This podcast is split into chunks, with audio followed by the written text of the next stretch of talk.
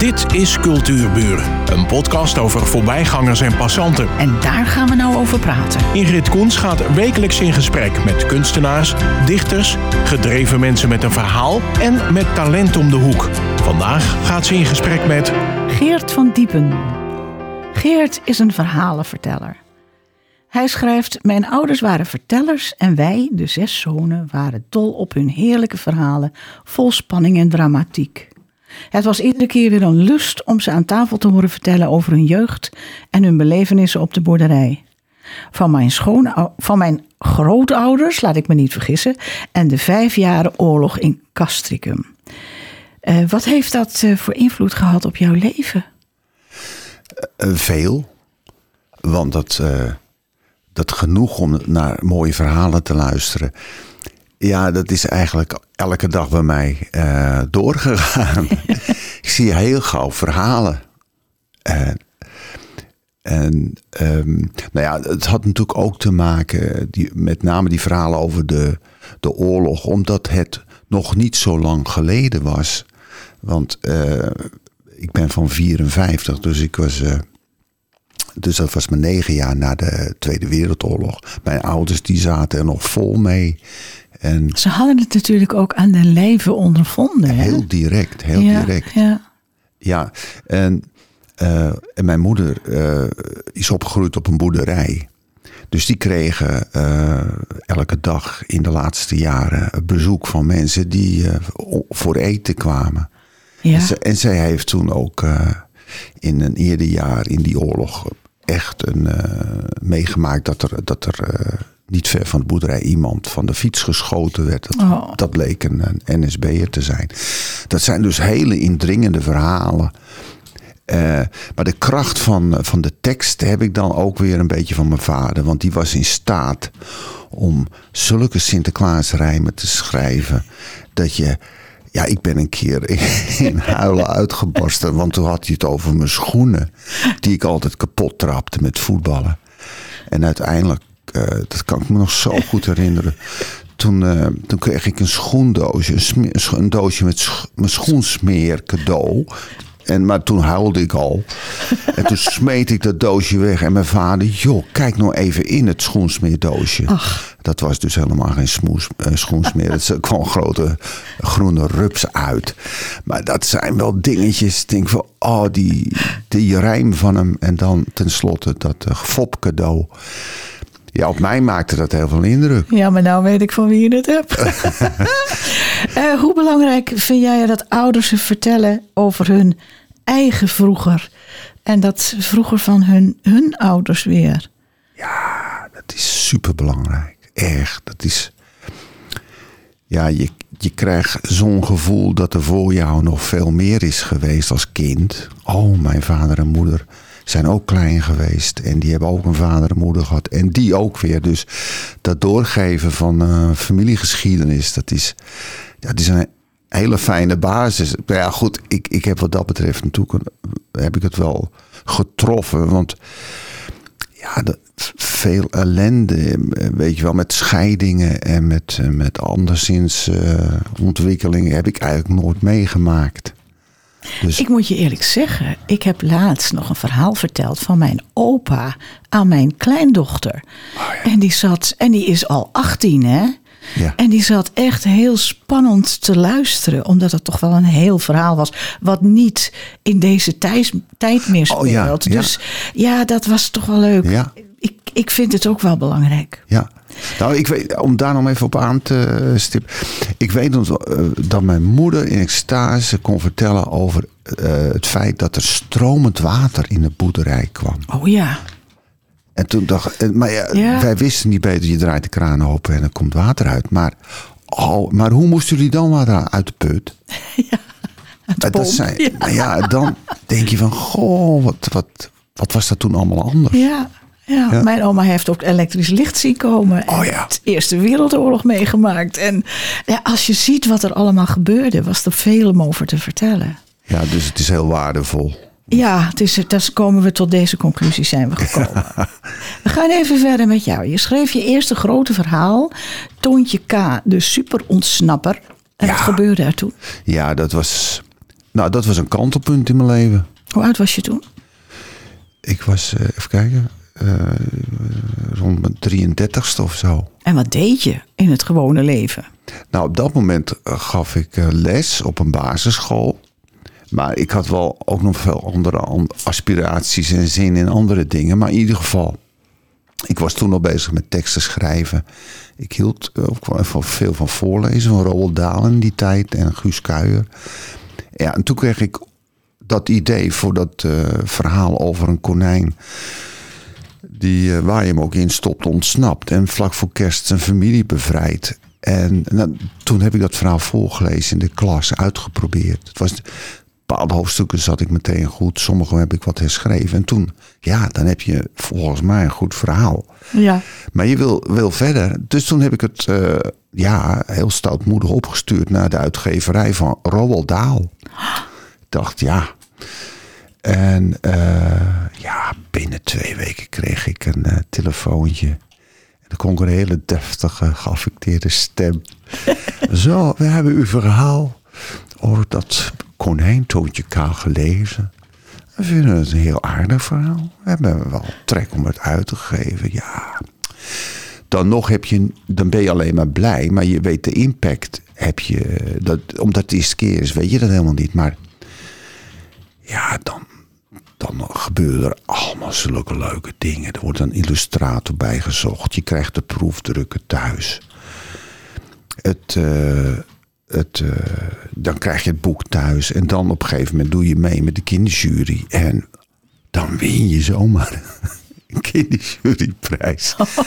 Ook nog. Nou, dan krijg je uitnodigingen. En nee, ik zeg echt, echt een kantelpunt. Want wat erbij komt is zo, ja, is zo inspirerend. Ook wel een bepaalde druk. Want de uitgeverij zei van, nou probeer volgend jaar weer een te schrijven. Oh ja. ja. Dus dan, dan wordt het serieus. Maar goed, ik, ik, ik vertelde graag verhalen. Dus ja.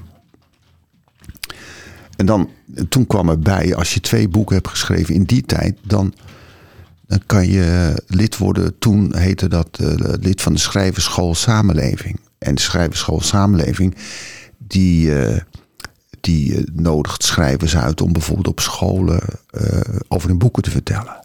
Maar dat verdient ook heel aardig. Dus op een gegeven moment was ik en onderwijzer en ik ging als schrijver het land in om eh, over de boeken te vertellen. Nou ja, gaandeweg eh, voelde ik wel van, oh, ik vind eh, het land in en met mijn boeken voor kinderen aan de slag te gaan, dat vind ik nog ietsje leuker. Want ja, je bent vrij en, en, je doet wat je het liefste wilt. Dus ik had ook mijn gitaar mee. Ik had een koffer vol met poppen. Die dan over de Ah. boeken gingen. Daar komt het, hè? Ja. Ja, dus, dus gaandeweg. eh, Dus het werd een voorstelling. je ja, het- ja da- daarom. Ik kreeg ongelooflijk veel uitnodigingen, mag ik gerust wel zeggen. Vanwege de combinatie gitaar, eh, de koffer met poppen. En het ook natuurlijk leuk kunnen vertellen. Ja, je bent onderwijzer, dus je weet hoe, ongeveer hoe je kinderen boeiend naar je moet laten luisteren. Dus dat lukte allemaal goed. Maar had je al zo'n groot repertoire? Want we Ehm. beginnen hier dus met eh Toontje K, de superontsnapper. Kon je daar zoveel eh, omheen bouwen Ja. dat dat... Ja, ik, ik had de essentie van het boek had ik in die koffer zitten. Ik had dus twee konijnenpoppen. En, eh, Maak je die zelf? die had ik toen. Nee. Nee, ik werk samen met Lia Rood. Ook uit Sint Pancras. En dat is al jarenlang mijn vaste theatermaatje. En zij kan onge, heel goed eh, poppen maken. Oh, En heeft ook daar een speciale techniek voor. En dat het gewoon ook een beetje kunstzinnig ja, leg eens wat meer uit over die poppen. Zijn Ja, het dat zou- handpoppen of Ja. zo wajangachtig met, met stokjes? Eh, het is eigenlijk. eh, en het zijn handpoppen, maar het zijn ook klapbekpoppen. Dus die, Oh. daar steek je je hand in en dan kan je hem zoals. Zeg maar de Muppets. eh, oh ja, ja dat werkt. washandjes. ja. En, maar we hebben ook wel eh, stokpoppen. Die, die, die zijn wel wat zwaarder. Maar dan heb je aan de ene kant heb je de stok vast. En met de andere hand beweeg je de armpjes of de handen. Oh zo. ja, Dus het is een beetje een wajangachtig eh, Ja. systeem. Ja. Hoe groot zijn die poppen dan? Nou ja, we hebben, Nou, ze zijn van, van, van 30 centimeter tot aan, nou, ik denk eh 60, 70 centimeter. Oké. Ja, Ja, want het leuke is, ik heb ook eens een poppen- poppentheater gezien. ja, En dan eh, zie je gewoon de mensen erachter, want die moeten ze bedienen. Maar doordat het verhaal zo boeiend is, Ja. zie je die mensen niet meer. Ja. Je ziet alleen die poppen, want Ja. die maken de avonturen mee. Onvoorstelbaar. Dus- die, die, dat, vers- dat, dat verleggen van die aandacht. ja. Nou ja, even kijken, wij zijn ook soms wel als poppen... Ja, nee, we hebben ook wel verhalen waar we de poppen zichtbaar spelen. Maar de- dat effect van, ja, maar ik kijk niet meer naar de speler. Ik kijk alleen nog naar de pop. Maar ja, dat, Zo moet het ook. Zo hè? moet het ook. Ja, Ja, ja. je moet door de goede stem of een goed. Je moet ze goed bewegen. Daar trainen we ook heel veel op. Dat En het verhaal moet natuurlijk en boeiend zijn. Ja, zeker. Dat moet eh, de basis zijn. Ehm, je schrijft ook op uitnodiging verhalen voor nieuwe taalmethoden. Leg dat eens uit. Wat Nou, is een nieuwe taalmethode? Nou ja, de, ik heb, eh, laatst een paar jaar terug had ik een geweldige opdracht voor. eh, ik noem hem gewoon Mallenberg in Den Bosch. Die, eh, die ontwikkelde een, een, een taalmethode. En mijn opdracht was, en het was echt een fantastische opdracht. Of ik theaterverhalen kon schrijven.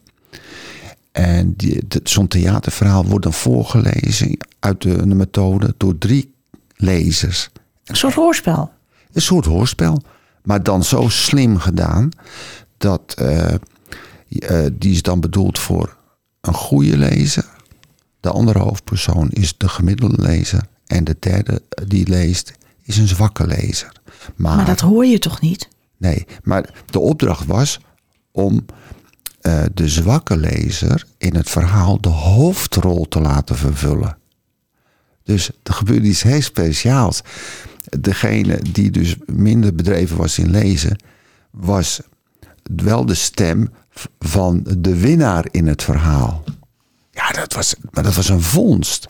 Want de tekst van de goede lezer is dan wel pittig. De van de gemiddelde lezer, eh, zeg maar, gewoon. Maar die van de zwakke lezer, die had, dat waren zinnetjes met bijvoorbeeld vier, vijf zinnen. Maar ze was wel de winnaar in het verhaal steeds. Dus dat was een heel me manier van... daar- Nee? Nee, heel moeilijk. Ja, even kijken. Kun je iets van een voorbeeld geven? Ja, eh, even kijken. Even denken, denken, denken. Nou ja, bijvoorbeeld, eh, de, de, de, meestal gingen dan over drie kinderen. En ehm, dan werd, ja, ik heb niet meteen een voorbeeld van een verhaal. Maar, eh, even kijken, ja. Ja, overval me er ook een beetje Ja, maar die, jij mij ook met dit verhaal. Want ik vind het zo spannend. Ja, ehm, nou in ieder geval de, degene die het zwakste lees... kreeg door dat theaterverhaal in het taalboek een hele fijne ervaring. Maar die, die moest dan wel veel tekst spreken. Waarschijnlijk Ja. eenvoudig, maar Minder, oh, ook minder. minder. Oh, wat een opdracht. Ja, maar het was ook wel zoeken steeds naar leuke thema's. Van, eh, ik, ik- ja, je kreeg ook wel thema's van de, van de uitgeverij. Maar de, de, tru- het was voor mij steeds de, de, de- een puzzel om. Want je, moest, je bent gehouden aan veel, eh, veel dingen. En zoveel woorden per regel voor die, zoveel woorden voor die. Oh ja. die eh, maar ja, het is wel gelukt. En Ook weer een succes. Nou ja, het was voor mij nieuw. En, maar ik begreep wel wat ze bedoelden met theaterverhaal. Weet je, Ja. er moet dramatiek in zitten. Ja. Er moet een ontwikkeling zijn van iets wat moeilijk is naar een, naar een oplossing. En dat was, dat was wel heel leuk om te doen. Ik eh, ga even de stemming keren. Oh, Ik ga op reis en ik ga meteen. Mama hoeft niet mee, want ik kan best alleen. Ik ga heel ver en ik ga heel lang, want ik ben al groot en helemaal niet bang. Dit was iets heel bijzonders. ja, dat, ja er, zat, er zit een lading achter die tekst. En dat kwam. Wat een hele vrolijke voorstelling van iemand die alleen op stap gaat. Maar ja, Lia werkt eh, op de BSO. En die kreeg te maken met ouders. Wiens kind eh, leukemie had. En het einde was in zicht. En die ouders wisten bij God niet hoe ze dat kind moesten voorbereiden op, nou laten we zeggen, de dood. Want die kwam er wel aan. En toen hadden we in die tijd net een cd ontwikkeld met, met het liedje. En toen zeiden die ouders, maar dit is het liedje wat we moeten gebruiken. Ik ga op reis en ik ga alleen. Dus die ouders hebben, nou ja, in die voorbereiding eh, van hun kind naar de dood. Ik denk niet dat ze de dood genoemd hebben, maar meer van ik ga op reis. Hebben ze dat liedje gebruikt? Nou, dat was voor ons ja, heel bijzonder, want zo was het helemaal niet bedoeld. We hebben helemaal niet uh, gedacht van het kan uh, geholpen worden voor een kind die uh, straks er niet meer is. Dus dat we, ja, daar waren we, ook, daar waren we ook heel blij mee dat, ja. dat die ouders. Heel dubbel, hè? Heel dubbel. Ja. Heel dubbel. Kan me dat voorstellen? Ja. Um, hoe kom je aan de karakters voor die poppen? En wat voor gezichten hebben ze dan? En oh. hoe, hoe ga je dat laten zien, wat jij wil laten overbrengen naar kinderen? Ze mogen niet te griezelig zijn. Nee, oh nee. Nee, dat, uh, daar maken we wel voor. Je hebt nou, een nieuw verhaal geschreven. Ja, nou, nou weet je, uh, het grote ook uh, in het maken van theater hebben we op, een gegeven moment een, vorm gevonden. Want je kunt zelf heel veel dingen bedenken. Dat deden we ook wel een paar seizoenen lang. Maar ja, toen kregen we de vraag van de bibliotheek in Herengewaard van... Kunnen jullie verhaal maken naar het bekroonde prentenboek? Oké. En toen uh, kregen we dat bekroonde prentenboek in handen. En toen hebben we dat verhaal omgezet naar theater. Dus we spelen niet het uh, Brentenboek na. We maken ons eigen verhaal, maar met het thema van uh, bijvoorbeeld alleen op reis. Want daar, dat, uh, toevallig is het toen ook begonnen dat we een vorm kozen naar aanleiding van een bekend prentenboek. Maar de karakters voor, voor dat theater bedenken we dan zelf, als het maar wel gaat over het thema van het prentenboek. Maar dan een prentenboek is een boek om te kijken. En jullie maken een hele voorstelling. Dus daar moet ook tekst bij dan. Ja. Nou, um, we proberen... Nou ja, dat is een goede vraag. Want uh, op een gegeven moment merkten we van... Uh, we proberen theaterverhaal te maken... die zich laten lezen als een, als een prentenboek. Dus korte scènes, niet te veel tekst. Heel, heel krachtig en helder. Nou, is dat dan voor jongere kinderen? Ja, het is voor, ja, het is voor kinderen vanaf vier tot en met zeven. Dus kinderen eigenlijk zeg maar in de magische leeftijd. Die kunnen nog heel erg geloven in een bewijs van spreken een pratende vlinder. Of, uh... maar dat doe ik ook. Ja, gelukkig. uh, laten we even zeggen wanneer je, uh, je voorstellingen zijn. Want het is heel prettig omdat je er een vaste dag voor hebt sowieso. Ja. En waar ze zijn. Ja. Voor ik dat vergeet. Ja, heel goed. Nou, we hebben in ieder geval van september tot april op elke eerste zondag van de maand een voorstelling. En vaak ook in de herfstvakantie en in de kerstvakantie. En de voorstellingen die we spelen, spelen zich af in het Zoldertheater. En dat bevindt zich uh, in Sint Pancras. We hebben een hele grote, uh, originele koolboet.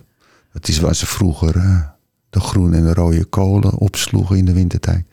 Wij hebben de hele bovenverdieping ingericht als, uh, als theater. En we kunnen ongeveer 50 uh, ouders en kinderen een plekje geven. En het adres? En het adres is goed.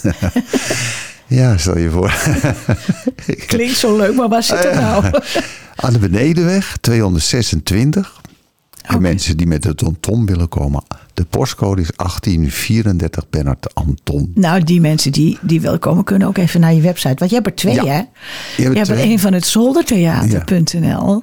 En je hebt er een van geertvandiepen.nl. Ja. Dus ze kunnen je overal vinden. Dat is sowieso altijd erg leuk. Ja. Uh, en dan schrijf je nog een column. Ja, ik realiseerde me dat, uh, dat ik dat al vanaf 2015 doe voor de Lange Dijken Nieuwsblad. En nu natuurlijk het uh, Dijken Nieuwsblad van Dijk en Waard. En uh, dat is vaak om de drie weken of, of om de vier weken. Kijk even naar Kenneth. Hebben we nog even tijd om er een voor te lezen? Ja, hebben we. Oh, leuk. Wil je er een voorlezen? Voor? okay. Even de ja, dat zijn de tekenen destijds. Oh, ja. nou, daar komt hij hoor. Het heet Paardenmeisjes. Als ik die middag de bus parkeer tegenover het bord gratis paardenmest, tuurt een meisje door de afrastering naar de paardenschuren. Helemaal achterin op het erf. Ze is acht, misschien negen jaar. Ik stap uit, open de laadklep en doe mijn laars aan. Voor de tweede keer maak ik die middag het hek los en sjouw zinken tijlen, emmers en vijf zwarte plastic kratten naar de mest faalt. Het meisje blijft voor de afrastering staan, dicht bij haar fiets. Wacht ze op iemand? Jij houdt van paarden, hè? probeer ik vrolijk. Ze glimlacht en fluistert trots. Ik heb al twee keer gereden. Twee keer, herhaal ik enthousiast. Wow, en ging het goed? Weer knikt ze, haar ogen stralen. Dan begin ik vooraan op het erf met een vork de kratten vol te gooien. Bij de schuren achter mij leidt een blonde tiener een bruin paard naar buiten. Ze heet Ronja en draagt een cap. Haar naam weet ik sinds de eerste vracht paardenmest vanmiddag. Ze vertelde toen dat ze drie volle kruiwagens per dag de stallen uitrijdt. Ik vond dat veel, maar ze zei: Ach, nou, het hoort erbij. Nu maakt Ronja het paard klaar voor een rit. Haar handelingen zijn relaxed en geroutineerd. Oh, een droomscenario, denk ik, voor dat meisje aan de weg. Ik voel met haar mee. Kom hierheen, gebaar ik haar. Het kind aarzelt. Dan stapt ze voorzichtig door de blubber het terrein op. Ronja, roep ik meteen in de richting van de stal. Hier is een fan van je. De tiener kijkt om en glimlacht. Loop maar door, fluister ik naar het meisje. Als ik de volle tijlen, emmers en kratten één voor één de bus intil, hoor ik ze geanimeerd praten. Twintig minuten later, als ik terug ben voor een derde vracht paardenmest, zit Ronja hoog te paard. In volle draf maakt ze rondjes in de hooggelegen buitenbak. En daar is ineens het meisje. Ze loopt op me af en vraagt zachtjes of ze misschien ook even mag rijden.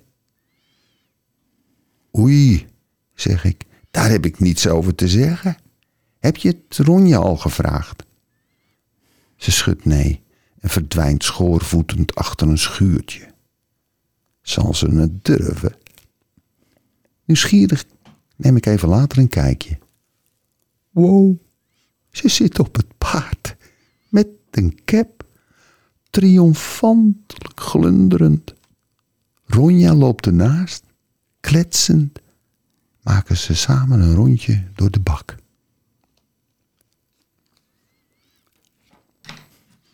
Geert van Diepen, columnist in het krantje van Dijk en Waard. Dus hou hem in de gaten.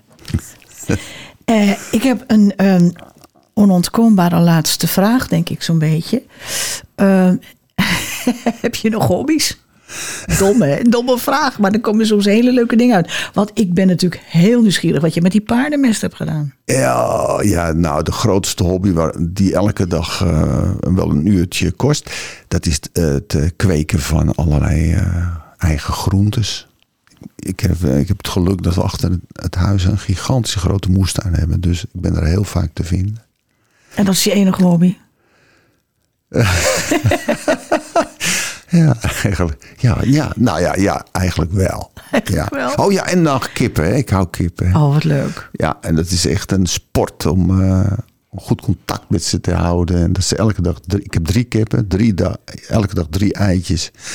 Dus we, we vormen samen een goed team. Nou, dat vind ik helemaal bij jou passen. Want als ik dan jou bij de kippen zie, dan zie ik dat die kippen ook weer een, een, een verlengstuk zijn van de poppen in je theater. nou ja, nou ik zie inderdaad, soms schrijf ik een column over ze, want het is fantastisch. Als je goed kijkt, dan zie je zoveel. Ja, ook natuurlijk de pikorde, die zelfs bij drie kippen Ja, dat heb ik gehoord. Dat Oh, is heel erg. eh, Daar ben ik niet blij ja. mee, maar dat doorbreek je ja, niet. nee, dat kan niet. Dat is een traditie. Ja. ja. Nou, ik kan het alleen maar. Oh, het is wel leuk. Ik zet nu eh, voor drie eh, kippen drie bakjes eh, ongeveer een halve meter uit elkaar. Zodat ze zodat ze elkaar niet gaan pikken. En dat, en dat ze tegelijk mogen eten. Ja, Oh, geweldig. ja. Het Zoldertheater in Sint Pancras. Benedenweg, nummer ...226. eerste zondag van de maand. Ja, van En september. het is weer, ja, nou is september, dus u kunt er weer naartoe. Ja. Ik vond het hartstikke leuk dat je er was. Dat, is, eh, dat geldt voor mij ook. En ik wens je heel veel succes, maar ik denk dat dat gewoon doorgaat bij jou. Jij bent één groot succesnummer. nou, dank je. ja. Oh, mag ik nog? Ja? Ja? Nou, Dan moet je naar hem kijken. oh, Kenneth is, Kenneth, nog is de baas. Nou ja, weet je, 4 september spelen we weer de eerste voorstelling. Maar een week daarna, op 10 en 11 september, is er een, een Ja, maar dat heeft geen zin. Het is een podcast. Dus die gaat de hemel in. De Oh. internethemel in. En daar staat hij voor eeuwig. En dan zijn die data helemaal niet belangrijk Oh, meer. Daarom is wel de eerste zondag van de maand belangrijk. Ja, Zonder theater in Sint Pancras. Geert van Diepen, hartstikke leuk dat je er was. Nou, dankjewel. Dit was Cultuurburen, een podcast van Ingrid Koens en Streekstad Centraal. Bedankt voor de aandacht en tot de volgende Cultuurburen.